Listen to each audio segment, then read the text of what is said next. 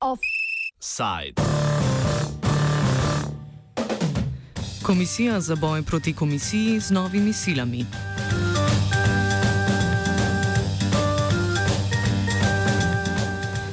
Teden je v parlament končno priromala novela zakona o integriteti in preprečevanju korupcije. Spremembe zakona, ki ureja delovanje Komisije za preprečevanje korupcije, so se začele pripravljati že ob začetku mandata te vlade, še bolj nujne pa so postale potem, ko je Vrhovno sodišče ugodilo več pritožbam glede kršenja pravic tistih, ki so se znašli na zatožni klopi komisije. Zakon to problematiko ureja tako, da komisijo osredotoča na preventivo in opozarjanje, dodatno pa ureja njeno sodelovanje z drugimi institucijami.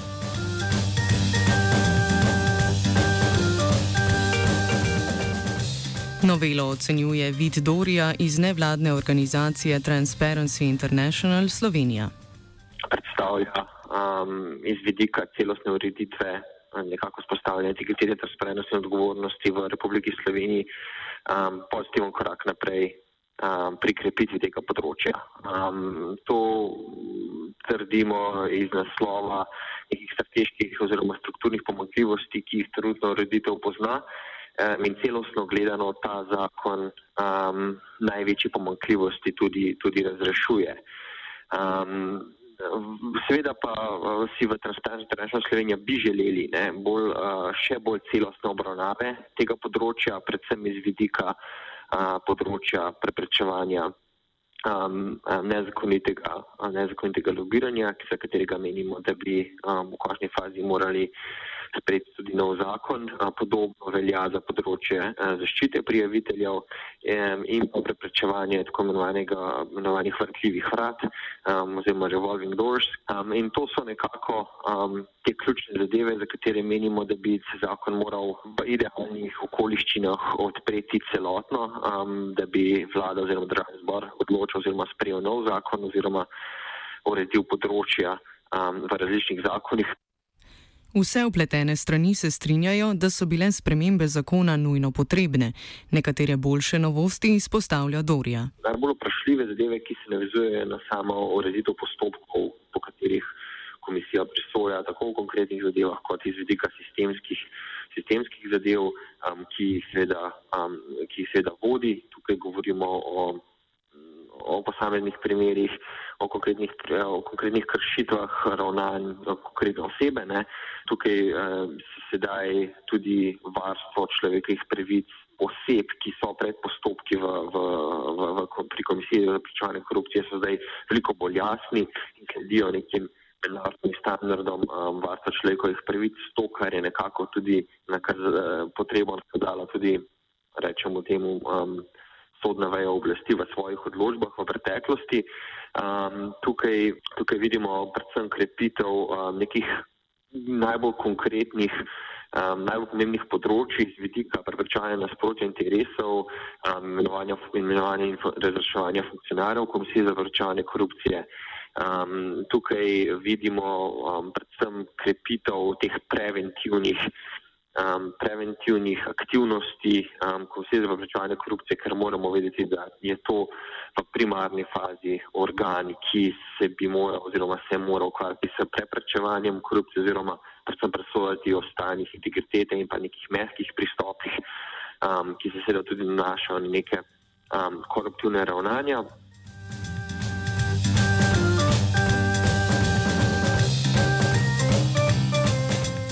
Največ kritik na novelo zakona o integriteti in preprečevanju korupcije je podala ravno Komisija za preprečevanje komisije, kjer še posebej nasprotujejo spremembam postopka pred komisijo. Ta sedaj ne bo več obravnavala konkretnih primerov odgovornosti posameznika, ampak bo lahko podala le načelno mnenje. Posamezne primere bo še vedno lahko predala policiji ali računskemu sodišču. O tej spremembi predsednik Komisije za preprečevanje korupcije Boris Štefanic. Ja, glede na dejstvo, da v tej državi veliko govorimo o ničelni toleranci do korupcije, si je seveda težko predstavljati boj zoper korupcijo z to omejitvijo, ki jo prinaša novela. Upam, da ne bo sprejeta in ki govori o tem, da se komisija v konkretnem boju zoper korupcijo v primeru, da očitamo koruptivno ravnanje eh, fizični osebi, ne bo več ukvarjala, eh, ampak se bo ukvarjala samo na načelnem nivoju. Torej, to je za nas povsem zgrešeno in povsem nespremljivo. In eh, seveda bo zelo, zelo otežilo, lahko bi rekel, celo onemogočilo boj zoper korupcijo. Sprememba postopka pred komisijo in omejitev pristojnosti komisije na podajanje načelnega mnenja pa se ne zdi ta sporni vidu Doriji.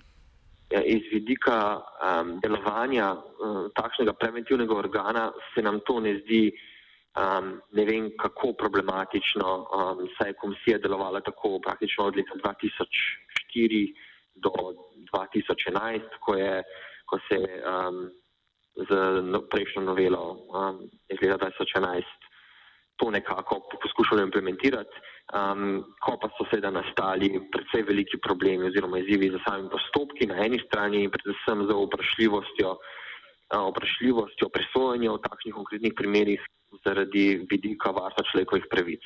In to se zdaj nekako ureja. Um, o samih konkretnih primerih um, pa bo komisija še vedno lahko um, presojala tukaj vključujemo um, področje integritete, preprečevanje konflikta interesov in pa tudi seveda drugih institutov, ki jih um, zakon o integriteti in preprečevanju korupcije nekako ureja in tih je kar nekaj.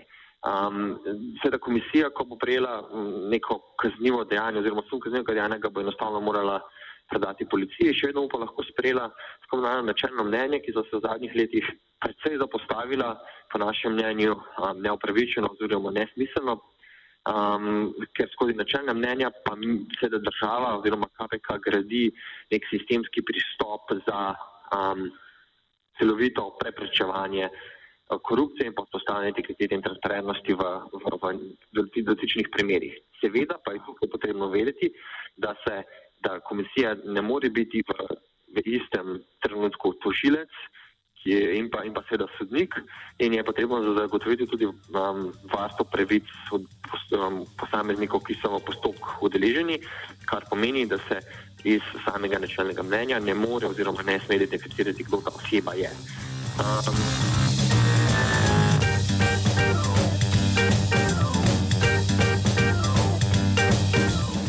Postopek pred komisijo je postal problematičen potem, ko je vrhovno sodišče ugodilo več pritožbam tistih, ki so se znašli v postopku.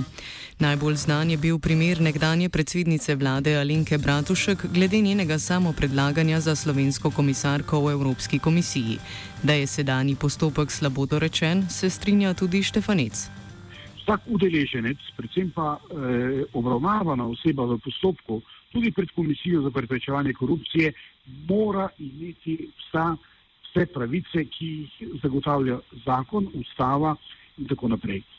In ker je sodišče ugotovilo, da eh, te pravice strankam pred komisijo v postopku, ki se je izvajal do sedaj, seveda, da ne bo narobe razumljeno, vrhovno sodišče je do spremembe svojih stališč potrjevalo odločitve eh, komisije, ni, ni videlo nobene napake v ravnanju in v postopkih pred komisijo. Potem pa se je stališče Vrhovnega sodišča spremenilo. Sam sicer moram reči, da podpiram to spremembo stališča. In seveda to zahteva tudi spremembo zakona v tistem delu, ki govori o postopku.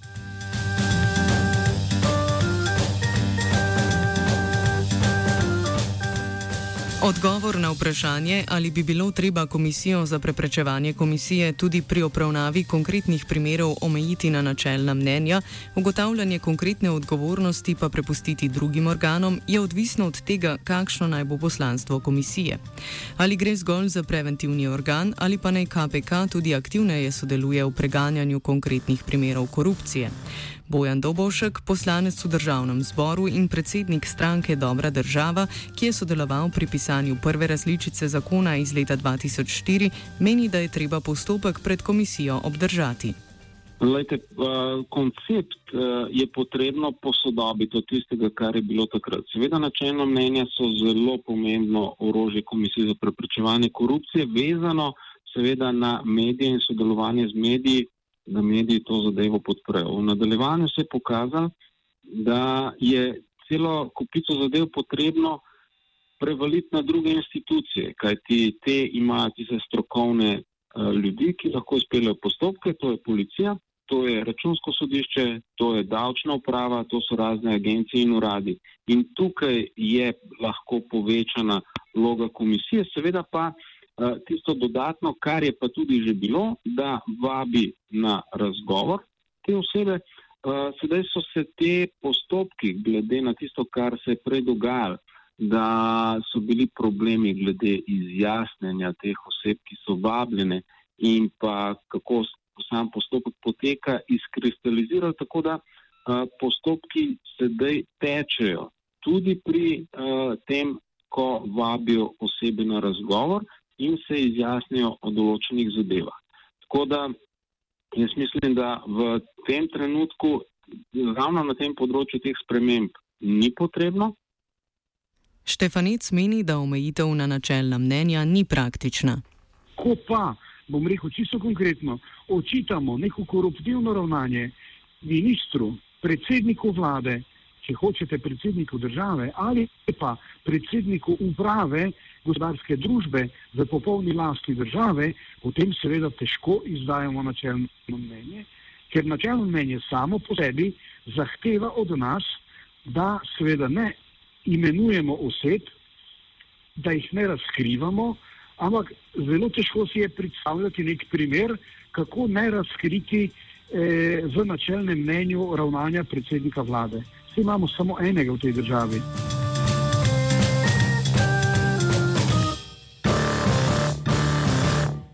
Druga sporna novost v zakonu je prenos odgovornosti za manjše in rutinske zadeve iz članov senata, ki jih na predlog predsednika imenuje parlament, na strokovne funkcionarje komisije. Več Štefanic. Vidim zdaj v prenašanju nekaterih pooblastil na strokovne sodelavce tudi prenašanje odgovornosti, kar pa je za mene spremljivo. In če sem jaz funkcionar, če sem jaz predsednik komisije za preprečevanje korupcije, jaz kot funkcionar odloč, od, torej odločam o tem in potem tudi odgovarjam. In prenos odgovornosti na strokovne sodelavce je povsem nespremljiv.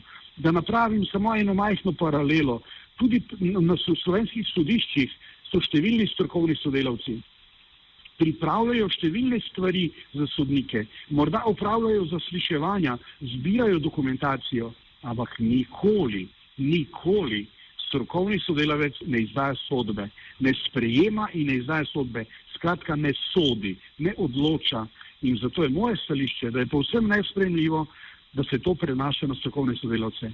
To moramo delati trije funkcionarji komisije, brez kakršne koli izjeme. Še toliko bolj pravim, ker ni nobene potrebe po neki večji učinkovitosti, ker ta potreba bi bila seveda v primeru, če bi imeli ne vem koliko zaostankov, pa jih nimamo. S problematičnostjo te spremembe se strinja tudi Dorija. Ja, Slovenija opozarjala tudi v, v zadnjem obdobju, um, da mora biti predstojnik um, organa tisti, ki mora sprejeti oziroma ki mora odgovarjati za sprejeti odločitev organa, ki ga zastopa. Um, tukaj bi bilo smiselno um, tudi za amandmajem v postopku državnega zbora spremeniti to, uh, to ureditev. Um, ker na nek način um, lahko takšno razvito privede do, um, do, do situacij, kjer se um, funkcionarji Komisije za vprašanje korupcije izogibajo tudi odgovornosti um, za odločitev, ki je organ sprejel, čeprav um, jo, je on, recimo, direktor oziroma šef tega organa, pod narekovaji.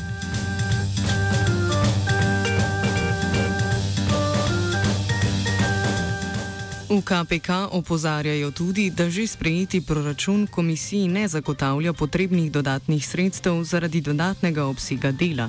O številkah Štefanic. Na naš proračun, eh, tako za leto 2018 kot za 2019, je tam nekje okrog milijon 800 oziroma milijon 700 tisoč evrov. Torej, to so proračuni, ki so sprejeti in v okviru tega delujemo nekatera dodatna, nekatere dodatna pooblastila in naloge, ki se predvidevajo z novelo, se je v tem predlogu bilo celo zapisano, da se predvideva recimo pet zaposlitev, pa nekatere druge razširitve, pa eh, dodatna računalniška eh, IT podpora delovanju komisije in takrat je bilo ocenjeno, da je dodatna potreba po finančnih sredstvih nekaj 100 tisoč evrov. Povejmo, da je to v dimenziji od 300 do 500 tisoč evrov. To govorim zdaj malo na pamet, ni to natančno, ampak verjemite mi, nisem se veliko zmotil.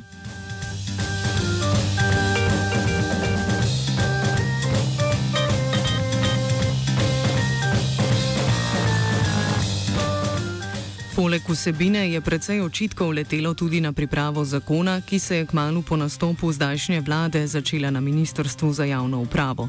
Zaradi teh zamud se vladi sedaj precej mudi. Bojan Dobovšek. Pravno nastajanje zakona je glavni problem. Seveda so nekatere spremembe na področju preprečevanja korupcije in pa vloge same komisije potrebne. Zakon se je začel pripravljati že pred časom, potem pa je misteriozno se predstavil z te delovne skupine Ministrstva za javno upravo na Ministrstvo za pravosodje. Uh, in zakon prihaja zdaj ravno pred volitvam. Smo že upozorili, da gre tukaj bolj za PR-ovski projekt, da se zakone tako hitro pred koncem mandata ne da sprejeti, ravno zaradi tega, ker gre za temeljno, da se odreka sodelovanje stroke in javnosti, ker se vse skupaj mudi. In potem so posledice takšnih predlogov, da se zakoni ponavadi ne dajo izvajati, ker niso usklajeni in tudi niso v skladu z resolucijo o normativni dejavnosti. Vsekakor pa določene spremembe so potrebne, ni pa iz zakona jasno izhodišče, zakaj ravno zdaj pred volitvami ker je neugoden čas. Tudi zaradi tega, če se bo dogovoril karkoli glede vodstva komisije, kako in kaj, in se dajo vtis, kakor da se bo zopet kadrovalo svoje ljudi. Štefanic pa poudarja pomankanje sodelovanja s KPK pri pripravi zakonodaje. Zdi se mi nespremljivo in nepojmljivo, da se minister za pravosodje, gospod Klemenčič, ki je bil prej predsednik komisije, In seveda zato so mu zadeve zelo, zelo dobro poznane do vseh potankosti. In sedanji predsednik Komisije za preprečevanje korupcije, se pravi nekdo, ki je predlagatelj zakona in nekdo, ki bo ta sprejeti zakon, če bo seveda sprejet, prvi uporabljal v času nastajanja te novele, niti enkrat nista sestala. Jaz sem se dvakrat pogovarjal s predsednikom vlade in sem ga prosil, prosil sem njega za pomoč, da se vsi trije se pravi predsednik vlade, ministr za pravosodje in predsednik komisije za preprečevanje korupcije, se stanemo, da se pogovorimo o tem zakonu, o tej noveli, o potrebnosti, o vsebini in načinu. Nikoli do tega razgovora ni prišlo.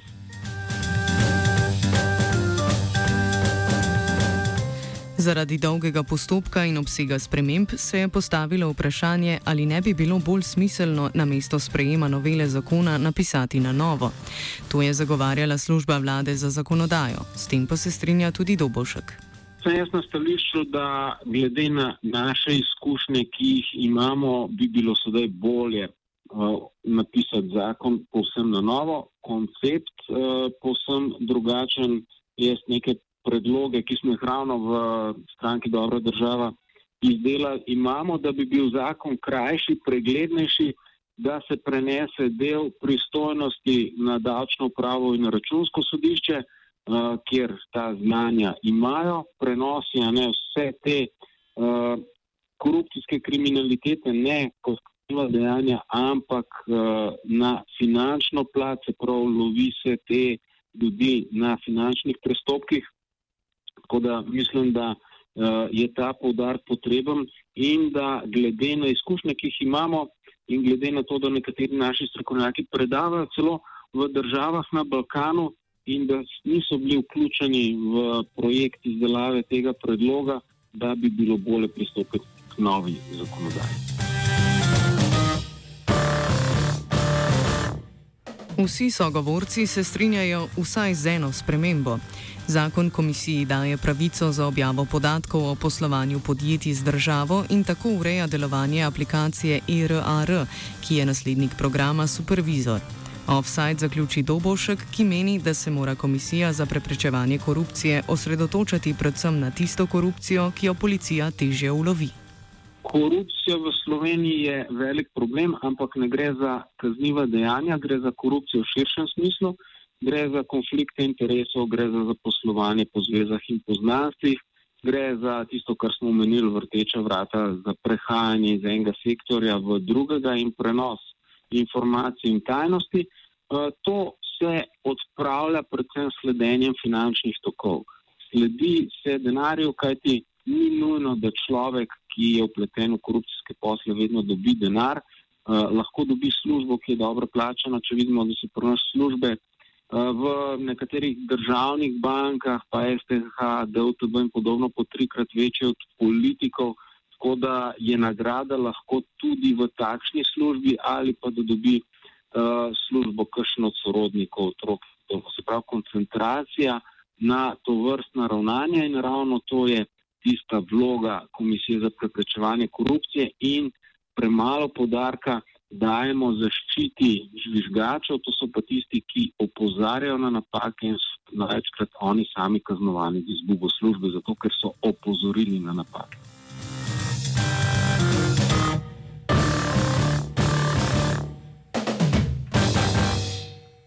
Offside je pripravil Gal.